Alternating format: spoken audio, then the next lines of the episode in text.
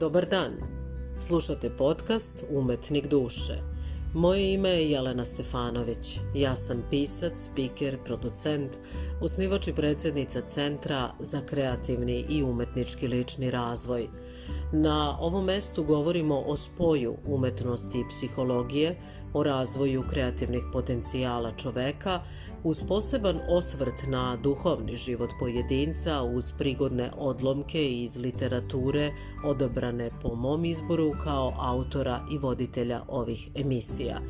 Govorimo takođe i o ideologiji, misli, metodama novog doba i razotkrivamo prevaru New Age pokreta.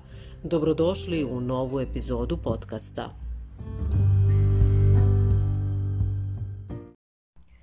Veliki pozdrav svima. Nadam se da ste uživali i da ste se lepo odmorili u ovim prethodnim prazničnim danima i da se možda spremate za ove praznike koji nam dolaze. Isto tako se nadam da ste preslušali poslednju epizodu podcasta u kojoj sam razgovarala sa Dajanom koja je vrlo hrabro i nesebično podelila svoje izuzetno iskustvo sa nama Tako da ako niste preslušali tu epizodu, obavezno je preslušajte. A možete da preslušate i epizodu koja je toj epizodi prethodila gde govorimo o potrazi za smislom zato što ćemo se tokom narednih par meseci baviti baš tom temom. Pričat ćemo o smislu.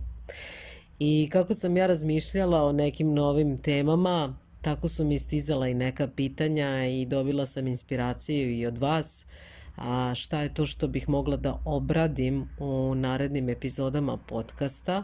A, jedan predlog se odnosio na temu samopouzdanja i bogopouzdanja Um, I kroz tu neku prepisku je bilo reči oko toga da je to zapravo vrlo onako zbunjujući element za većinu ljudi jer s jedne strane ova svetska psihologija i uopšte sva neka nastojanja guraju nas da osnažimo svoje samopouzdanje, da imamo dobru sliku o sebi, da zračimo sigurno, da budemo onako jaki, da drugi ljudi imaju dobro mišljenje o nama i sve to.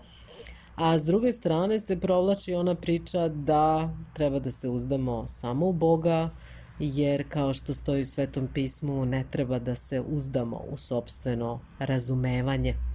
I onda to nekako deluje kontradiktorno.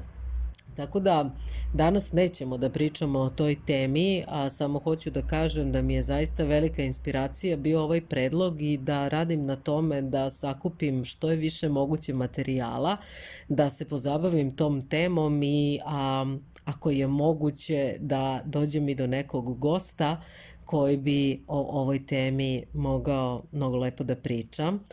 A, tako da svako ko ima neki predlog može da mi pošalje a, predlog mailom umetnikduše at gmail.com a, vrlo brzo nakon tog predloga a, dobila sam inspiraciju za ovu današnju temu.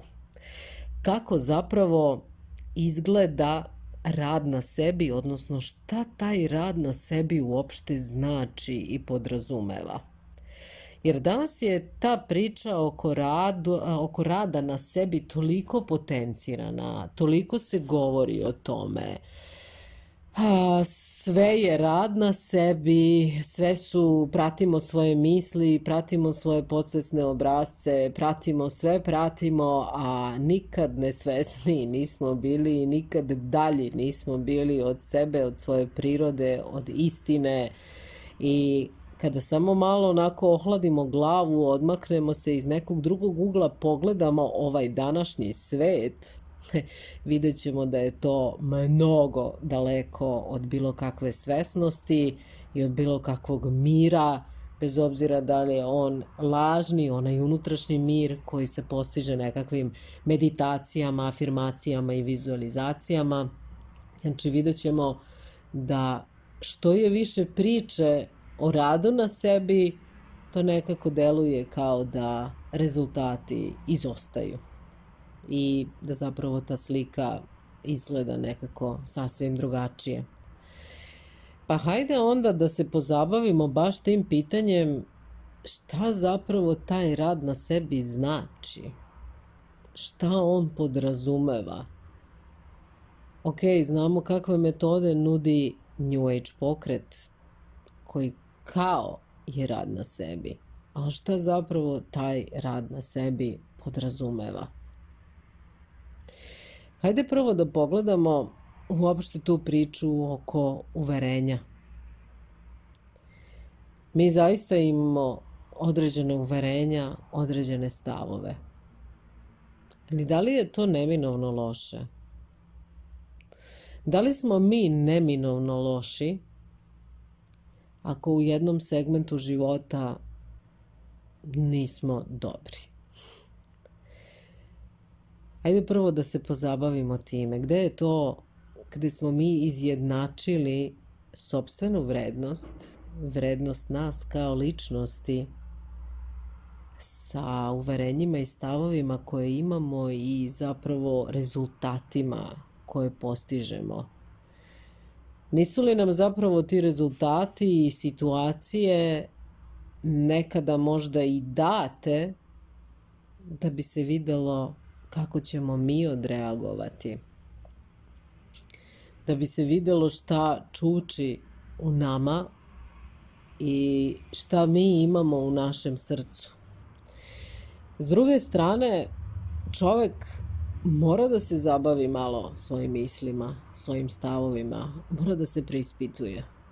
Kako sad tu naći neku granicu?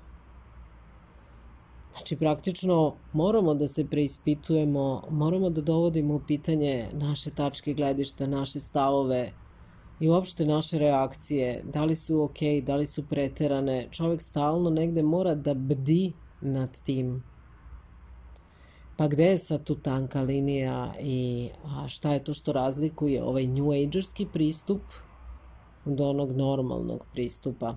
Ja sam recimo dosta dugo već pričam o pisanju dnevnika i onaj ko me duže prati zna da evo već više od 10 godina organizujem radionice gde razgovaramo, postavljamo pitanja, ljudi dođu pa kažu koji je taj neki problem ili koji je segment života koji bi oni želeli da promene ili ako ne da promene, kojim nisu zadovoljni, koji bi želeli da unaprede. I onda tu postavljamo različita pitanja u smislu šta je to što oni stvarno hoće, šta je to čemu teže, koji su njihovi darovi talenti stvarno iz jednog prostog razloga zato što smo na bazi nečeg pogrešnog i nakaradnog ili nečeg nekog ličnog doživljaja mi stekli neku sliku, pa na osnovu toga doneli nekakav izbor i odluku, pa nas je to odvelo nekih 20 godina kasnije do neke tačke u životu I onda kad počne sve da nam se urušava, onda mi praktično postavljamo pitanje čekaj zašto se ovo meni dešava? I onda krećemo u analizu, ako krećemo u analizu, ima ljudi koji uopšte ne kreću, nego misle da je to kao tako ok i ima onih koji veruju da postoji sudbina, ima onih koji veruju da ne mogu da utiču, a zapravo je istina da na neke stvari možemo da utičemo, na neke stvari ne možemo da utičemo i to je negde i sastavni deo odrastanja u smislu da mi možemo da izvučemo tačno tu liniju i da kažemo ok, do ove tačke moj deo odgovornosti na ovo mogu da utičem i ovo ima veze sa mnom, a od ove tačke nema veze sa mnom, ne mogu na to da utičem. Znači, do te mere negde moramo da imamo tu vrstu zrelosti da bismo mogli da vidimo gde je ta linija a ne da negde preuzimamo na sebe sve ono što se zbiva, kao što recimo nameće, nameće New Age, znači mi smo odgovorni za sve što vidimo, jer mi sve to reflektujemo i svako zlo koje vidimo s polja je produkt zla koje mi nosimo unutra i treba da kopamo po svojim podsvesnim obrazcima i tako dalje i da nazivamo stvari pogrešnim imenom. Znači to je jedna krajnost, a druga krajnost je ok, ne bavimo se ničim, to je tako kako je, baš nas briga, mislimo kako mislimo i uopšte ne dovodimo u pitanje ni porodično nasledđe, ni okruženje u kome smo odrastali, uslove u kojima smo živeli, niti bilo šta drugo. Tako da, opet, ka, ona ne kaže bez veze, ona a, poslovica istina je negde tu, jel? Na sredini, zlatna sredina, jel? Tu, tu leži istina, a nije ni u jednoj od ovih a, krajnosti. I naravno da tu onda New Age propagira i određene stvari koje zaista postoje kao psihološki koncepti. Evo sad prvi koji mi pada na pamet je priča o unutrašnjem detetu. Znači mi negde znamo da treba da se pozabavimo time, a onda skliznemo iz jedne krajnosti u drugu krajnost gde se razbijemo kao ona zvečka koje dete baci Tako se i mi polupamo jer smo ušli iz krajnosti u krajnost, nismo uopšte našli tu zlatnu sredinu. Da se vratim na pisanje. Znači ja sve vreme, evo deset godina unazad, pričam o pisanju. I u prvi mah kad sam govorila o pisanju, ljudi su me gledali kao da sam pala s Marsa kakva je to terapija gluposti svašta, odeš, dobiješ pilulicu i super ti je, kao kako, kako pisanje, kakva neka analiza i saopštavanje samome sebi kroz papir i olovku nekakvih misli, osjećanja, kao to je bez veze.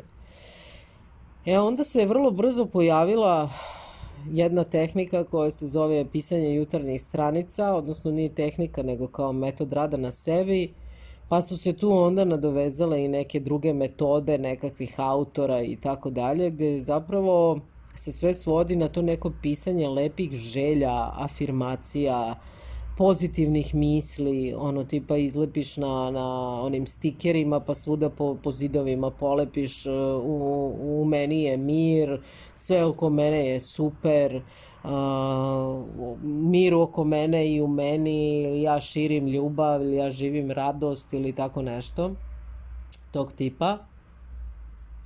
I zapravo uvek imamo neku polovičnu stvar. Znači, ako mi pišemo takve poruke sebi na tim stikerima i lepimo ih svuda po kući, po frižideru, zidovima, vratima i ostalo, mi nikad nećemo sagledati šta stvarno naše srce sadrži, šta se nalazi u našoj duši. Nikada. Zato što ćemo sve vreme da se samo obmanjujemo. Jer realno postoji dan kada se uopšte ne osjećamo radosni i kada uopšte nismo u miru, nego smo vrlo nemirni i kada nas sve nervira i mi do istine ne možemo doći tako što činjenično stanje negiramo, nego prosto uh, moramo to da prepoznamo. Ključ je u prihvatanju toga. I tu se opet vraćamo na onu New Agersku priču o visokoj vibraciji, o pozitivističkom teroru, jer pala nam je vibracija čim mislimo, bože moj, neku negativnu misao. Zapravo, taj uspon i pad, baš sam naletela na jedan Instagram video gde isto momak priča o tome, ja već godinama govorim o tome kroz svoje radionice. Uspon i pad su sastavni deo ljudskog života. Ako imamo ravnu liniju, boga mi nešto ne valja. Znači, ravna linija na monitoru, svi znamo šta znači. To je smrt, nema života. Znači, dokle god ima tog uspona i pada i nešto se dešava i mrda se, dobro je. Mrdamo se i mi. U tom smislu da se vratimo na priču oko pisanja opet. A, ja uz to pisanje govorim o introspekciji. Introspekcija podrazumeva jedno duboko sagledavanje sebe iznutra. Introspekcija podrazumeva da se suočimo sa svim tim stvarima koje postoje unutar nas, a koje ne valjaju, koje prosto nisu okej. Okay. Ali to ne znači da ćemo mi sad, ne znam, da budemo izuzetno samokritični i da se ponašamo prema sebi kao da smo gonič robova, niti ćemo da negiramo tako neko stanje, nego ćemo da prihvatimo da je to tako nakon što ga pre svega uočimo. Većina ljudi negde i beži od toga. A, ovde sam se setila jedne jako zanimljive priče koju mi ispričala žena ovde iz Komšiluka. Srela sam je na ulici i onda ona meni kaže svi se mi dete preispitujemo. E, borba je to. Borba je to opasna sa nama samima. Znaš, kaže, kako sam se ja 99. godine preispitivala pa borila. Otišlo mi je, kaže, dete na ratište, a kaže, ja sam ostala kod kuće i onda prvo su krenule svakakve misli, šta ako se nikad ne vrati? Šta ako izgubim dete? Pa onda krenem da budem besna, pa počnem da psujem, pa počnem da govorim svašta nešto i vezano za vojsku i za politiku i za državu i za svašta nešto. Pa onda kaže počnem sebe da ujedam za jezi pa kažem nemoj tako. Zato što su to misli i besa i ljutnje i prekora i svega toga.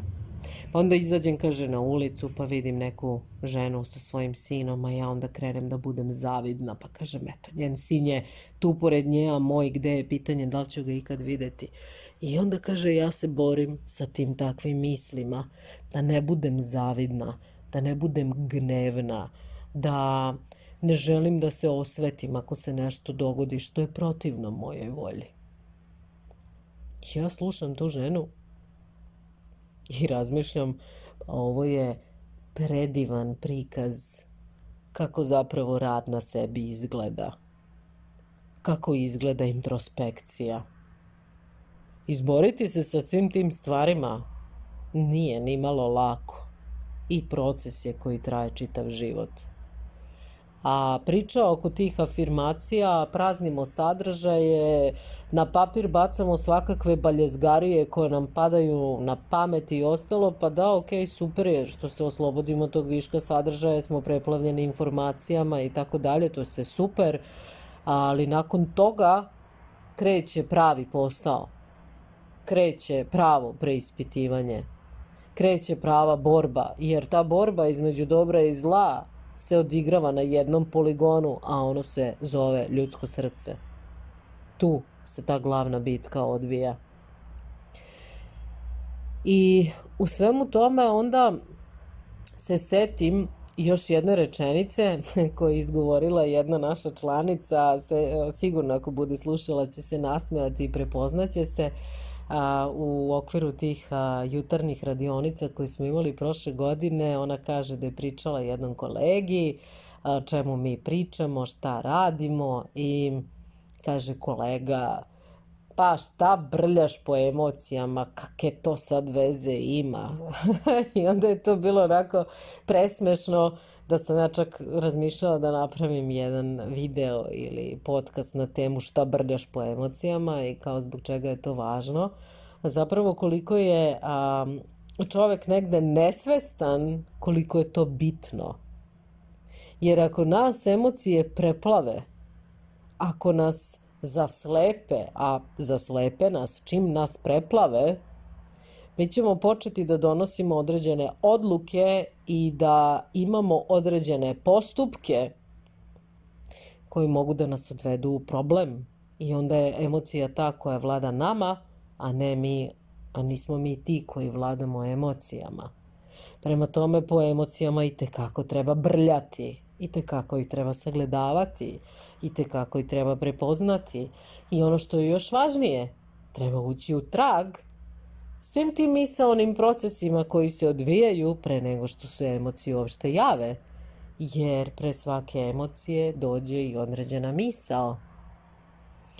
A priznaćete da je to teško, da nije baš lako i da podrazumeva ozbiljan mentalni trening, znači baviti se time, raditi na tome, preispitivati da bi u nekom trenutku čovek posle neke duže kilometraže mogao da dođe u to stanje da vrlo lako prepoznaje te svoje misli i da ih na vreme ustopira i da ih nekako iskoriguje i da samog sebe u tom trenutku a, prevaspita ili usmeri na drugi kolosek i da utiče onako da zaista, kao što kažu New Ageri, ali to definitivno nije svesno, u ovom slučaju jeste svesno da svesno donese odluku i izbor koji neće da ga odvede u problem i u pogibiju svake vrste, da li je to duševna ili bilo koja druga.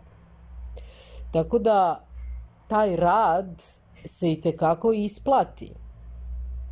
I te kako je to važan mentalni trening. I te kako utiče na kvalitet našeg života. Zato što ako se neko osloni isključivo na samo to svakodnevno što ima, obaveze, ovo ono, ne bavi se uopšte time ni svojim misalnim procesima ili mu to deluje nekako nedokučivo, daleko, strano ili šta li već i onda se prepusti tako to iz tih i svakodnevice, U prvom nekom narednom trenutku kada ga sti, e, stisne ta ista svakodnevica, on će da pokaže to svoje pravo lice, odnosno iz njega će da izađe sav onaj otrovni sok kojim se nije bavio. I recimo imala sam prilike da vidim izuzetno smirene i dobre ljude Znači, ajde sad dobro, upotrebila sam izraz, sad bismo mogli da uđemo u polemiku šta znači biti dobar, u kojim uslovima biti dobar i šta to zapravo znači. Ali znači ljudi koji su ovako, da kažem, i smireni, i okej, okay, i vredni, i radni, znači, ono, normalno funkcionišu, I u nekom trenutku kad dobiju neki pritisak, da li je to da im neko kaže nešto što im se ne dopada ili su pod malo jačim pritiskom, malo većim teretom da nešto treba da izdrže na malo duže staze, odjednom je njih iz, bukvalno progovara onaj gnev, zajedljivost, otrov, onda mrze i majku i sestru i rođaka i komšiju i sve žive i onda krenu i da a, govore ružne reči i počnu da pokazuju i mržnju prema samima sebi i prema njima i prema životu i prema Bogu i to tako onda preplavi sve živo. Upravo zato što se nisu bavili tim stvarima na vreme, nisu ih bili svesni. I sad tu dolazimo do ključne stvari kada govorimo o radu na sebi. A ključna stvar je da kada se čovek bavi ovim stvarima, da li je to psihoterapija, da li je to brljanje po emocijama kroz govornu terapiju, kroz pisanje dnevnika, a, na ne, ne znam, mislim, postoje različiti načini, svako nalazi neki svoj koji je njemu blizak.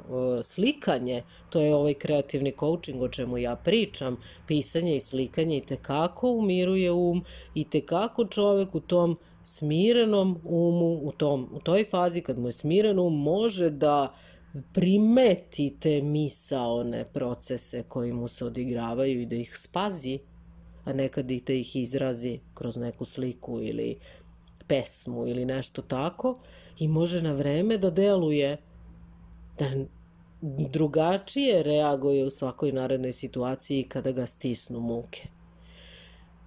Kad se a, čovek time bavi, a opet se vraćam na to da je ovo sad suština ovog, ove današnje epizode – Niko ne kaže da više nikada muka neće biti ili da više nikada neće biti iskušenja ili da on ako je osvestio da ima određene mehanizme funkcionisanja, načine na koji doživljava ovo stavovi i misalne procese koji tome prethode i slično, da neće se naljutiti i istrčati sa ovakvom onakvom reakcijom i slično. Da, hoće, ali će tokom vremena sve više biti svesniji i sve više će moći samog sebe da koriguje i praktično način na koji se on suočava sa tim pritiscima, mukama i iskušenjima je ono što daje potpuno drugačiji kvalitet njegovom životu.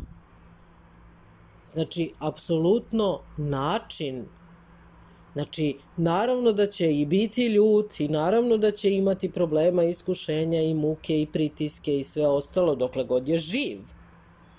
Ali način na koji on njima pristupa način na koji se on nosi sa tim i šta je on kroz sve to što sebi dozvoljava i dopušta, da li će pregaziti svoje ljudsko dostojanstvo, tuđe ljudsko dostojanstvo, da li će odreagovati ovako onako, opsovati ili će na jedan smiren način ili uvrediti nekog, ili će na jedan smiran, smiren način zauzeti se za svoje mišljenje, svoj stav, napraviti drugačiju reorganizaciju svog e, tekućeg dnevnog plana ili šta li već, e to je ono što pravi rad na sebi doprinosi i do čega dovodi. Trend novog doba nameće nešto sasvim drugo, nameće to da mi nikada više nećemo imati iskušenja ako smo došli do tog nekog stepena svesti. Pa otud imate i one brojne motivatore koji su maltene dostigli ono vrh vrhova i oni imaju jednu transformišuću priču koju stalno vrte u krug, ali sve vreme njima kao da se ništa više problematično ne dešava u životu Znači, žive savršeno sve, žive u obilju, u konstantnom zdravlju, sve super.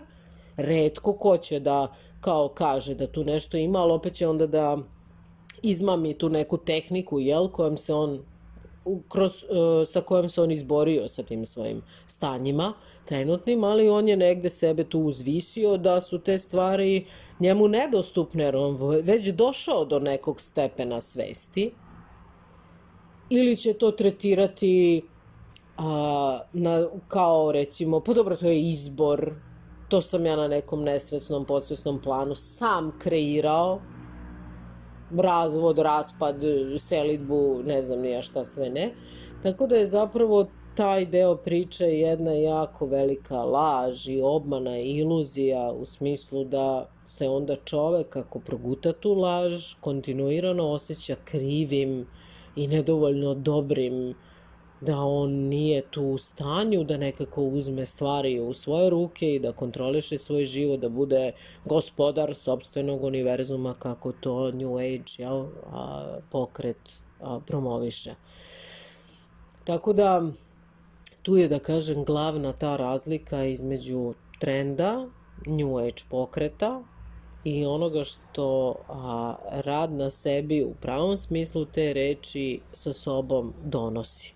Znači, način na koji se mi nosimo sa životnim problemima, životnim iskušenjima, način na kojim vladamo svojim misalnim procesima i svojim emocijama je ono što je ključna stvar u celoj priči, a ne to da mi više nikada nećemo imati ni iskušenja ni ništa. Nego i kad te pritisne i stisne, ti ne budeš taj koji ono pljuješ vatru iz usta i otrovi, i huliš i ljutiš se i a, a, dopuštaš sebi svašta nešto da budeš i ovakav i onakav, pa posle se jedeš pa se izvinjavaš i slično, nego te ipak dovodi dotle da budeš pribran u toj datoj situaciji, da malo nešto pretrpiš, da se ustopiraš, da malo zamisliš se da li zapravo to stvarno jeste tako kako ti doživljavaš ili ne, a, i da postoji ipak malo neka šira slika od one naše perspektive koja nam se u, pod pritiskom vrlo suzi.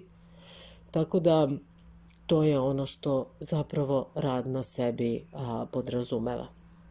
Ja sam se malo raspričala, boga mi skoro pola sata ovde pričam o tome i hoću sada za kraj a, da vam pročitam iz jedne knjige koja se zove Lečenje duše u pravoslavnoj crkvi, odnosno to duhovne i duševne bolesti od neuroze do depresije i prelesti.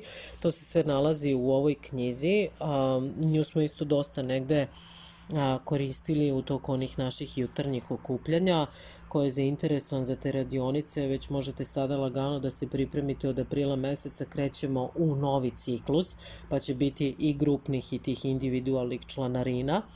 U svakom slučaju ovde ima zaista svašta nešto, a, psihologija, psihoterapija iz pravoslavnog ugla, znači spoj psihologije i a, duhovnog. I ovde sada kad sam već pričala i o tim misalnim procesima, introspekciji, pisanju, govornoj terapiji, posmatranju sobstvenih misli, emocije i slično, a delovalo mi je da je ovo jedno poglavlje koje se zove umno tihovanje, onako zanimljivo kao za zaokruženje ove današnje priče, pa ću vam sada pročitati jedan odlomak iz te knjige. Kaže, umno tihovanje jeste obitavanje u Bogu, U svetotačkom bogoslovlju je jasno pokazano da kao što telo ima telesna čula, tako i duša ima duhovna čula. Gospod je mnogo puta govorio o tim umnim ili duhovnim čulima. Kada je rekao ko ima uši da čuje, neka čuje. Gospod nije mislio na fizičke, već na duhovne uši, to jest na čula duše. Ta duhovna čula su sjedinjena u jedno jedinstveno čulo, Zato kažemo da duša ima jedno jedinstveno umno čulo koje je podeljeno u više čula. Tom umnom čulu se daruje otkrivenje Božje. Bog projavljuje sebe umnom čulu čovekovom i čovek umom zadobija bogopoznanje. Telesna čula gospodare telesnim čovekom i njegov um se raspršuje kroz telesna čula u fizičke stvari, budući da su njegova umno-duhovna čula umrtvljena. Duhovna čula stoga treba razvijati. Njih u stvari treba pročišćavati i to se razvijanje i očišćenje duhovnih čula naziva umnim tihovanjem. Sveti Grigorije Bogoslov, epigramski veli – Da bismo čisto opštili sa Bogom i da bi se naš um oslobodio svoje privezanosti za fizičke stvari koja ga rasejavaju, neophodno je da obitavamo u tihovanju. Vrlo je važno što je to rekao baš sveti Grigorije Bogoslov, koga je crkva nazvala Bogoslovom, zato što nam je ovim pokazao pravilan način bogoslovstvovanja. Čovek se očišćuje kroz umno tihovanje i na taj način se priprema za zajedničenje i sjedinjenje sa Bogom. I sad ovde, kad samo okrenem jednu stranicu, ima sad tu još jedno podpoglavlje umno tihovanje put oboženja. A, ali ono što mi je zanimljivo, neću vam sad čitati to, nego ono što mi je zanimljivo je naredno a, koje kaže na, u tom podnaslovu naše doba je anti-isihastičko.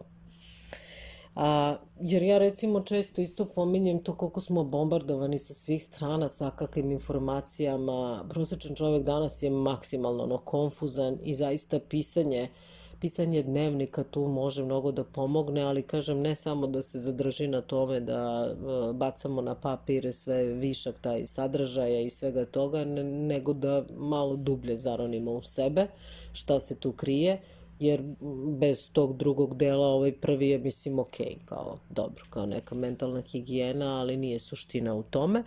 A, I zapravo jako je bitna ta tišina, a, jako je bitno da čovek bude malo povučen, da se skloni, da se preispita, da zastane.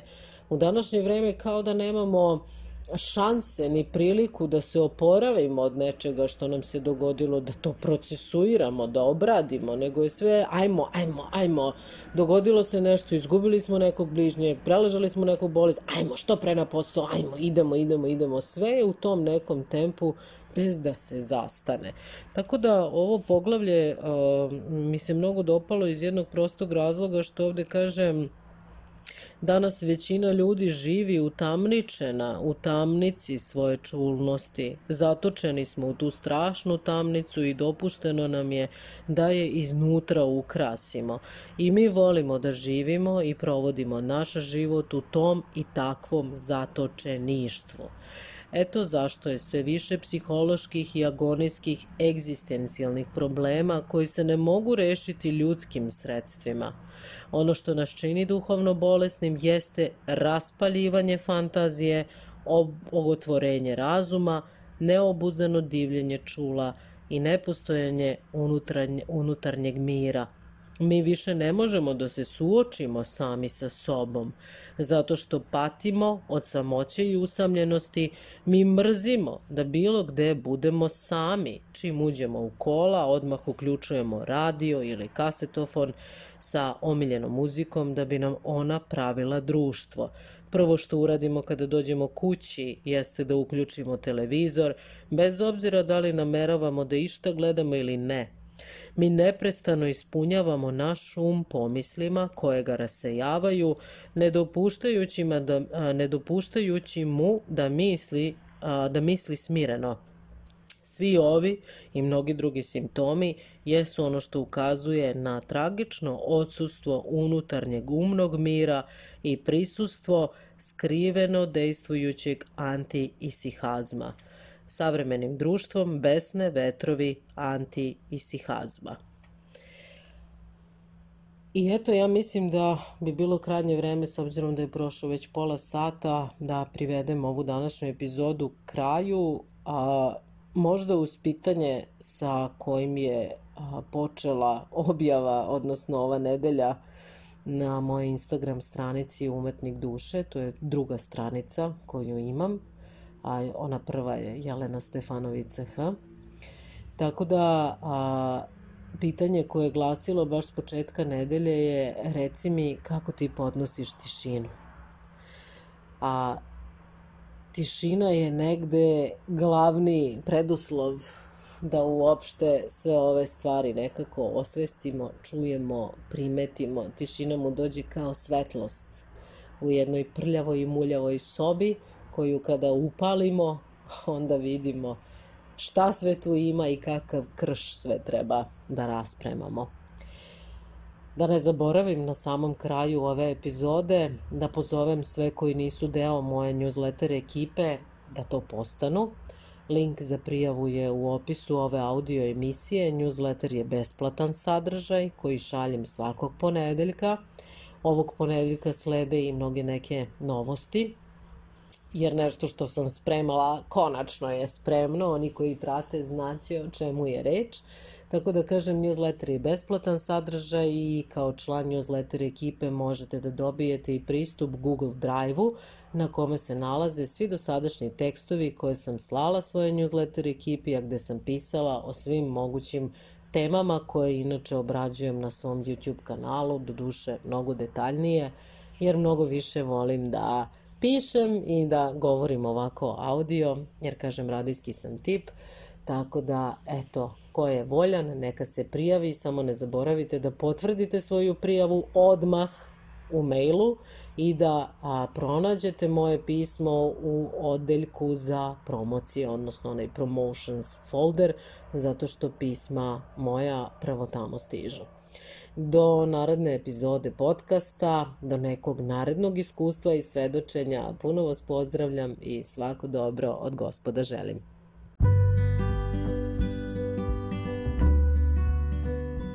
Hvala na slušanju. Ukoliko te zanima da i dalje pratiš ovakav sadržaj ili možda želiš da individualno radiš sa mnom, poseti sajt junkisoul.com, Instagram stranice Umetnik duše ili Jelena Stefanovica H, a možeš da postaneš i član moje newsletter ekipe, to je besplatan sadržaj, a link za prijavu je u opisu ove emisije. Do naredne epizode, puno te pozdravljam.